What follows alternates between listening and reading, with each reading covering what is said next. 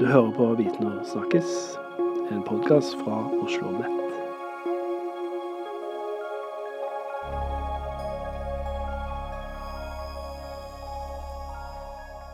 Hei og velkommen til en ny episode av forskningspodkasten Viten og snakkes. Jeg heter Jeff Lugau og er programleder for dagens samtale. Og dagens samtale den finner seg i eh, Kirkenes, eh, rett ved den russiske grensa. Og i, uh, det, i, dagens studio så sitter jeg sammen med to stykker. Uh, Jørn Holm Hansen, velkommen. Takk. Og Marit Jacobsen, velkommen. Tusen takk. Uh, Marit, jeg tenkte å spørre deg først. Uh, hvem er du, og hvorfor uh, sitter du sammen med oss i dag? Jo, takk for invitasjonen. jeg heter Marit Jacobsen og er nestleder i det norske Barentssekretariatet, som i mange år har jobba med norsk-russisk samarbeid.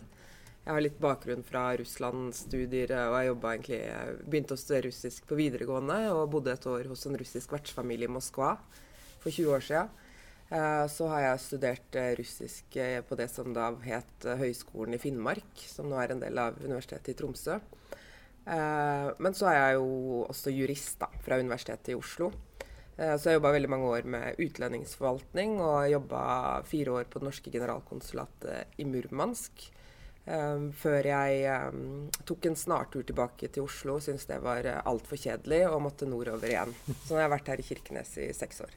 Jørn, Uh, du har vært i podkasten før, opptil flere ganger, og det er hyggelig å ha deg tilbake. Um, hva, er, uh, hva, er, din erfaring med Altså her i disse traktene, holdt på å si. Uh, har du jobba tidligere her i Øst-Finnmark? og ja, fortell om det. Ja, jeg har vært ganske mye i Kirkenes. Jeg tror det er den norske byen utenom Oslo jeg har vært oftest i. Uten at jeg har vært her så fryktelig ofte. både til og fra Russland. Eh, det å fly over Kirkenes og ta bussen over til Murmansk er ofte den raskeste og mest behagelige måten å, å komme eh, dit på. Og så har jeg vært involvert i ganske mange etter hvert eh, evalueringer av norsk-russisk samarbeid.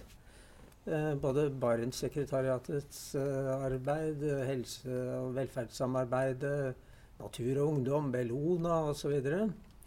sånn at jeg kjenner litt til hvordan dette arbeidet foregår. Og spesielt interessant er jo egentlig det grenseregionale samarbeidet da, som eh, eh, Barentssekretariatet holder i.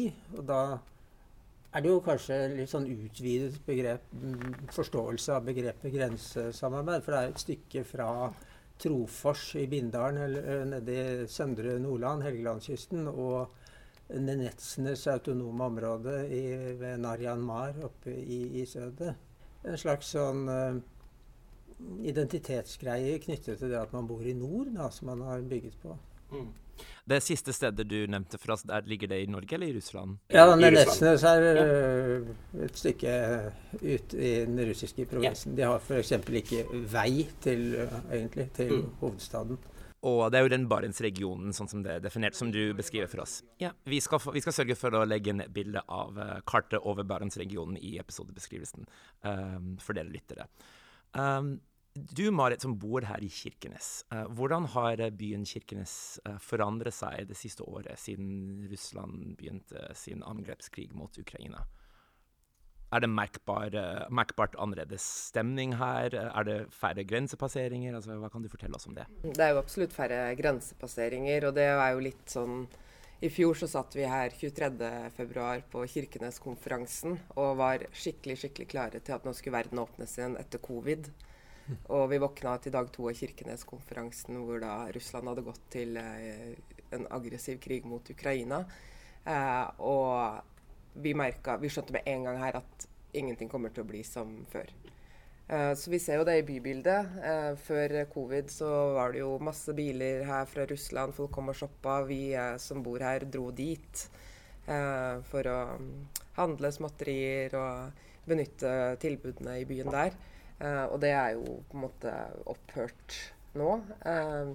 I mediene så er det jo veldig mye sånn hype om eh, droner, om spionasje. Kan vi stole på noen som helst? Jeg føler at folk her har kanskje uh, Kanskje har litt sånn murring som har eksistert tidligere, fått kommet litt mer til overflaten. Men samtidig så er det et veldig sånn, fredelig sted å være. Um, det er veldig mange folk som uh, støtter uh, Ukraina. Uh, det så vi jo på fredag. var det en demonstrasjon utafor det russiske konsulatet her, hvor jeg også sjøl var. Veldig mange med f.eks. russisk bakgrunn også, som bor her i byen, som støtter opp om Ukrainas kamp for frihet. Um, så det er jo merkbar, merkbare forskjeller. Um, samtidig som at man ikke helt har gitt slipp på det samarbeidet med russiske aktører. Uh, fordi altså, vi er så nær grensa her. Ingen her ønsker et nytt jernteppe og en sånn situasjon som var den, altså under den kalde krigen. Uh, du, uh, du, du, har brakt oss med, med den, de siste uh, kommentarene dine inn på på hovedspørsmålet for denne samtalen i dag, eh, som jeg hadde lyst til å eh, stille dere. Og det er mulig det er litt tabloid overskrift for samtalen, men, eh, men, spørsmålet mitt er altså har vi lyst til å samarbeide med Russland nå, eh, i kjølvannet av eh, den utvida krigen mot Ukraina? Jeg har i hvert fall lyst til det, fordi eh, folka som jeg har blitt kjent med i så mange år, og som på en måte deler mitt verdisyn på denne saken.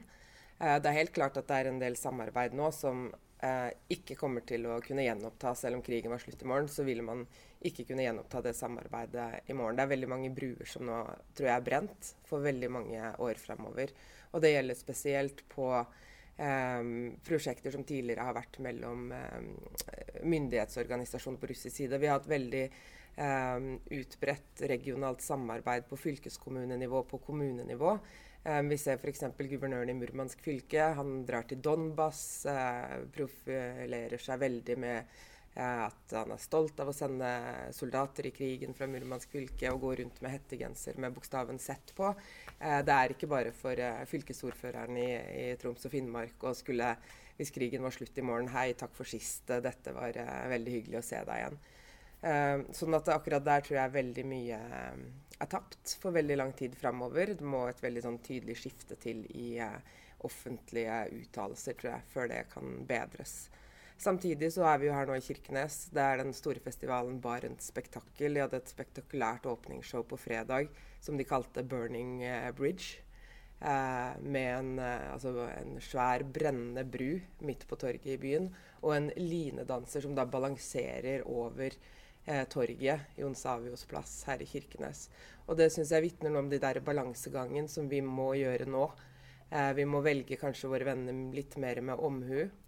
Eh, men til gjengjeld så er det også desto viktigere å la de russiske aktørene som vi kjenner, og som også er kjempefrustrert og antikrig, eh, at de får det lille pusterommet eh, og får Um, holdt på å si, styrka troen på at dialog og samarbeid fortsatt kan være mulig. Jørn, har du noe å supplere med, eller noen, noen tanker du gjør deg knytta til uh, muligheter for uh, fortsatt samarbeid? Jeg er veldig enig med Marit uh, i at man kan ikke bedrive samarbeid som på noen som helst slags måte kan misbrukes av de nåværende myndighetene i Russland. sånn at de kan liksom peke på at vi er godkjent, vi er akseptert. Det, det, det går ikke an. Men samtidig så hvis man spørre min lyst til, at, til, å samarbeide med uh, russere, og min lyst til at andre gjør det, så er den uh, ganske stor på en måte. Uh, litt liten når jeg tenker på alle de praktiske komplikasjonene med det, men mer sånn hva skal man si idealistisk så er jeg veldig motivert. Fordi at det er et stort behov nå for å gjøre akkurat det eh, folka her i Kirkenes gjør nå under Barents spektakel, og også Kirkeneskonferansen, å vise at vi skjønner at det er en eh, forskjell på Putin-regimet og russere flest. Også i en situasjon hvor kanskje det store flertallet i Russland støtter Putin og aksepterer, om enn ikke med så stor entusiasme, den krigen som pågår. Fordi at Eh, Putin spiller jo på at det er russofobi ute i verden. Altså sånn irrasjonell angst for alt russisk. De lo jo av oss eh, da umiddelbart etter, etter denne, dette angrepet på Ukraina skulle begynne å boikotte eh, Tsjajkovskij og Sjostakovitsj og sånn. Da hengte de opp plakater i byene hvor det stod de er redde for Tsjajkovskij, vi elsker Vivaldi. ikke sant? Mm. Vi skal ikke mate den formen for propaganda. Det er mye mer, det er mye mer virkningsfullt og hva skal man si, ondskapsfullt overfor eh, Putin å vise at vi setter pris på russisk kultur. Vi liker å være sammen med russere. Og gjennom denne typen arrangementer som man har her, så viser vi at et annet Russland er mulig. Og det finnes et annet Russland enn det derre erkereaksjonære, eh, autoritære eh, Putin-Russland som, som, liksom blir framstilt av Putin og av en del av oss som er motstandere av ham, som, som Russland. Russland er mer enn akkurat det der. Så det er min motivasjon for å, for å samarbeide med, med russere nå.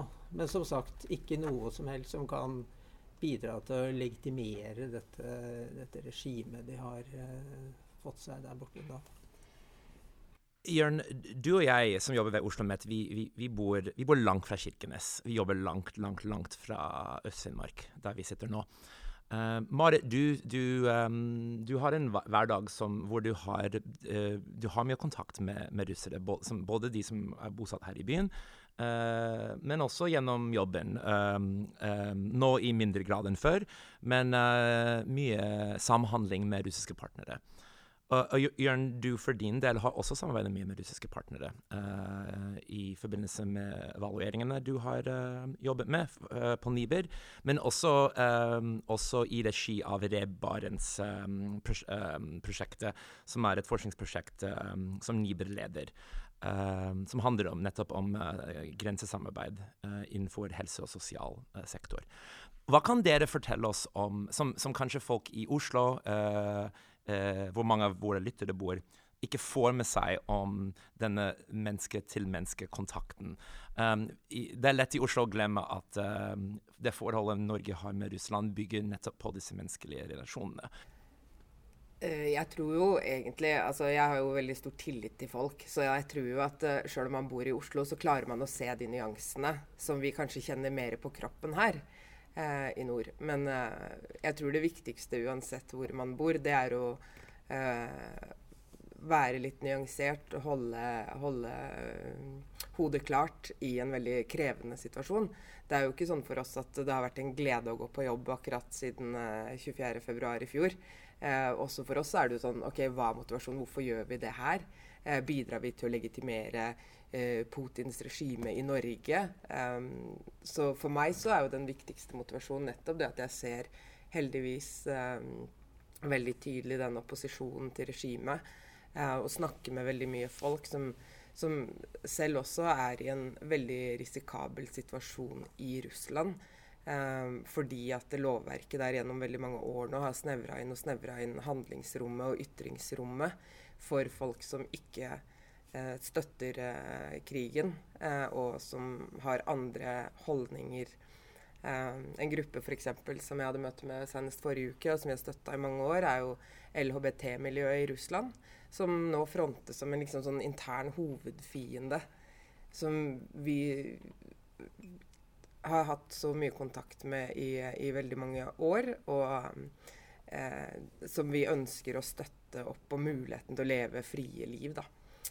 Så det er selvfølgelig Det er kjempevanskelig. Det er kjempevanskelig for alle parter. Det er vanskelig for først og fremst for ukrainere.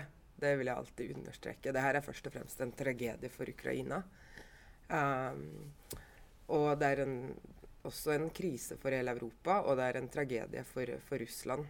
Uh, vi hadde besøk nå på lørdag av en veldig kjent forfatter, Ljudmila Olitskaja, som har forlatt landet, som har vært veldig antiregimetalsperson uh, i veldig mange år, og som har vært aktiv i organisasjonen Memorial, som fikk, uh, en av de som fikk Nobels fredspris i fjor.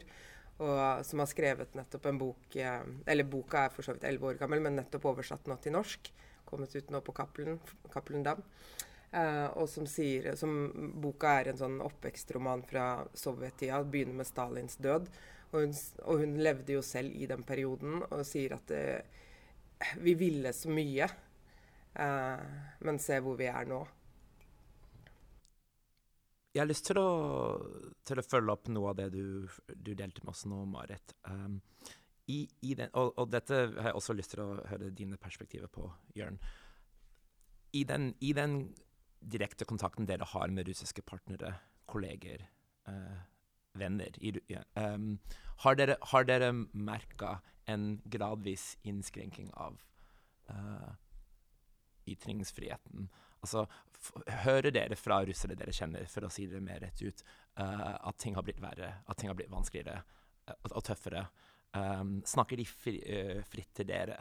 Altså, jeg skal ikke be dere utlevere hva de forteller, men, um, men det er noe vi i hvert fall leser om, at den, den, den, den, ytringsfriheten og rom for å ytre seg fritt i Russland har blitt innskrenka. Er det noe som stemmer med deres egne opplevelser?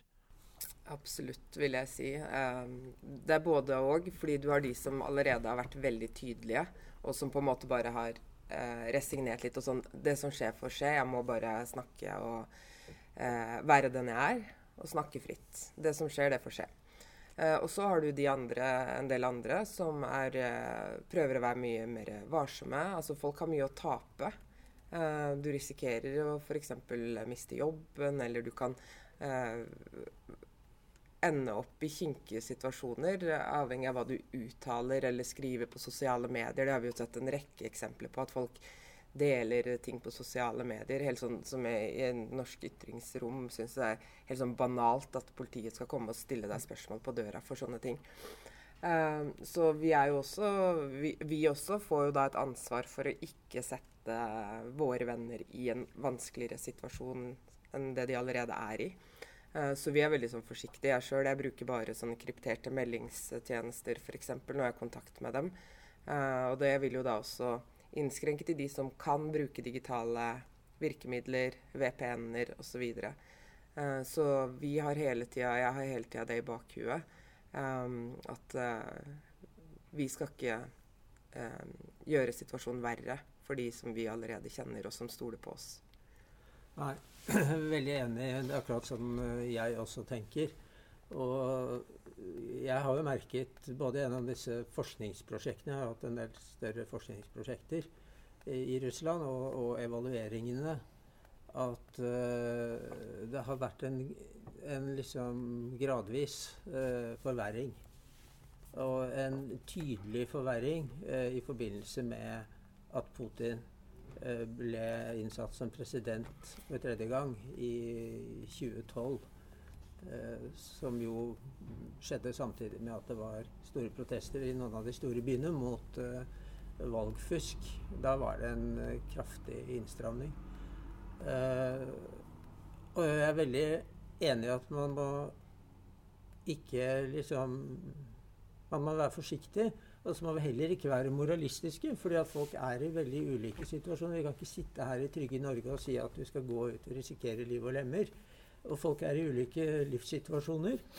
Eh, jeg vet om folk som, eh, eh, som er veldig sterke Putin-motstandere og krigsmotstandere, men som holder en litt lav profil. Og det er så enkelt som at de har en syk mor. Og de kunne reist til utlandet, sånn som mange har gjort av folk jeg kjenner.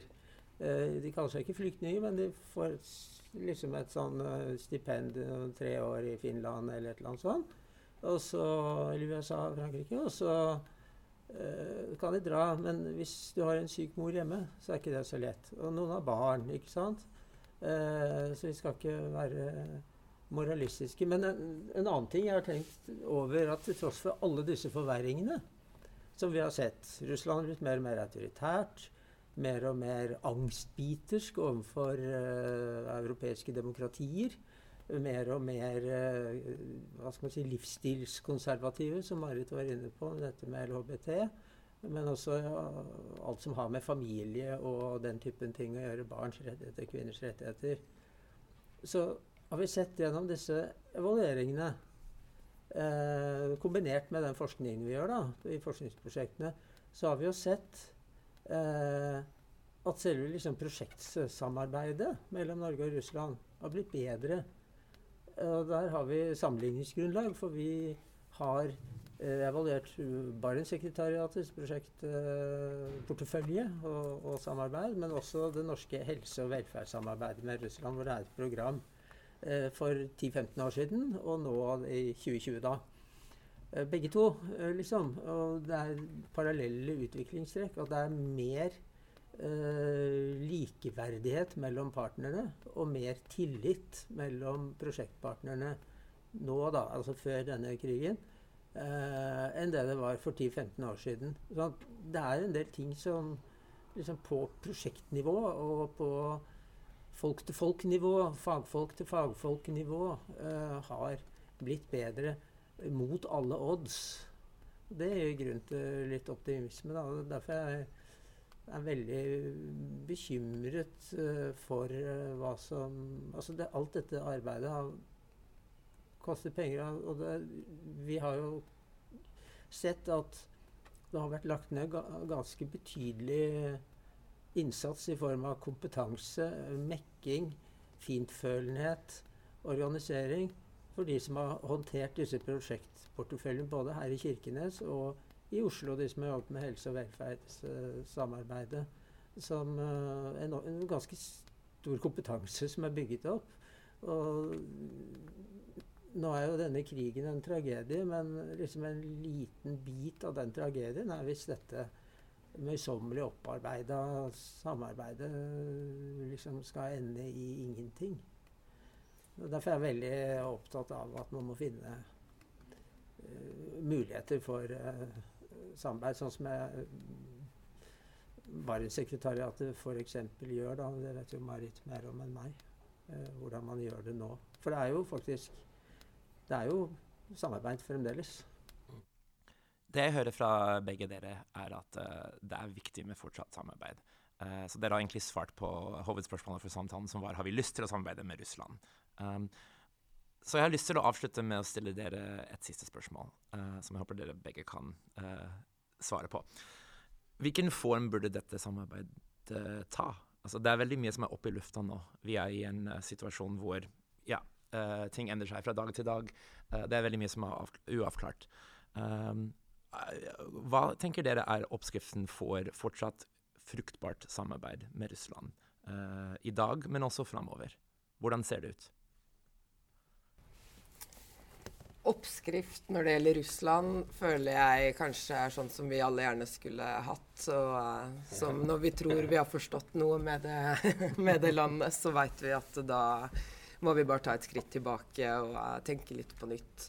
Uh, for vår del nå så tror jeg det er viktig, og sånn som vi har snakka om, vi holder mye kontakt med med de miljøene. Jeg tror ikke tida nå er for nye samarbeidspartnere og nye prosjekter, men vi har en del veldig solid kompetanse som, som, vi vil eh, videreføre. Og så er jo vi på den ene sida så skal vi jo støtte prosjektet, på den andre side skal vi jo være et sånt ressurs- og kompetansesenter for eh, grensesamarbeid. Um, og vi har også utvida vårt område litt, sånn at vi fortsatt også kan ha kontakt med en del av de som også Jørn nevner, som har forlatt landet. Eh, men som har vært viktige deler av eh, Barentssamarbeidet i mange år. Eh, sånn at eh, vi har kanskje også litt mer eh, oppgave i det der med å skape møteplasser, at vi må ta litt mer initiativ sjøl. Før så er det jo andre prosjektaktører som har søkt oss midler, og så har vi sagt bra prosjekt, dette får dere penger til. Men at nå må vi også invitere inn litt aktuelle eh, partnere som vi tror burde snakke sammen. Um, så der har jo vi en viktig rolle også i f.eks. Kirkeneskonferansen som starter 1. Mars, på onsdag 1. mars, og hvor vi også da har invitert noen av disse eksilrusserne som bidrar til å nyansere, og som også skal få lov til å spå litt om hva de tror er framtida for eh, fred og, og eh, demokrati i Russland. Jørn, har du noen oppskrift eh, som du har laget i hodet ditt, som du kan dele med oss? Nei, men Min erfaring med oppskrifter, i hvert fall på kjøkkenet, er at man må være litt pragmatisk. Og det er ikke alltid man har de ingrediensene som står der, og så må man finne noe liksom mekke det til, og så blir det, blir det bra. Hvis man har uh, kunnskap og erfaring, og det har jo de som samarbeider med dette uh, innenfor dette uh, Samarbeider i det hele tatt med disse russiske miljøene nå. det Marit sier, er jeg veldig enig i. rett og slett nesten Kanskje ikke viktigere enn før, men det er viktig på en annen måte nå å vise at vi ikke slår hånden av folk fordi de er russere. Vi slår hånden av folk fordi de er uh, potinister. Det er sånne potinister i alle land og tilsvarende greier er det ikke noe grunn til å uh, samarbeide tett med. Uh, men, men det å det, altså det, er en investering i, i framtida å vise at vi, at vi, ser forskjell på putinist og russer. Og med det så har jeg lyst til å takke dere begge for en spennende samtale. Marit, tusen takk for invitasjonen til Barentssekretariatet. Det setter vi stor pris på. Takk for at dere kom. Takk for at du ville være med på podkasten vår. Jørn, takk til deg som stilte opp òg. Tusen takk. Og det er som sagt uh, veldig hyggelig å være tilbake i et vinterlig, ordentlig vinterlig Kirkenes. Og ikke noe sånn sørpegreier som vi har hatt i Oslo i det siste. og så må jeg bare, ja, jeg må bare få oss reklamere, fordi uh, Kirkeneskonferansen begynner 1.3. De som ikke er i Kirkenes, uh, synd for dere, men dere kan se det online. Eh, også i opptak. Sånn at det blir kjempeviktige diskusjoner om de her samme temaene. Det var dagens reklame. Og takk til deg som hørte på.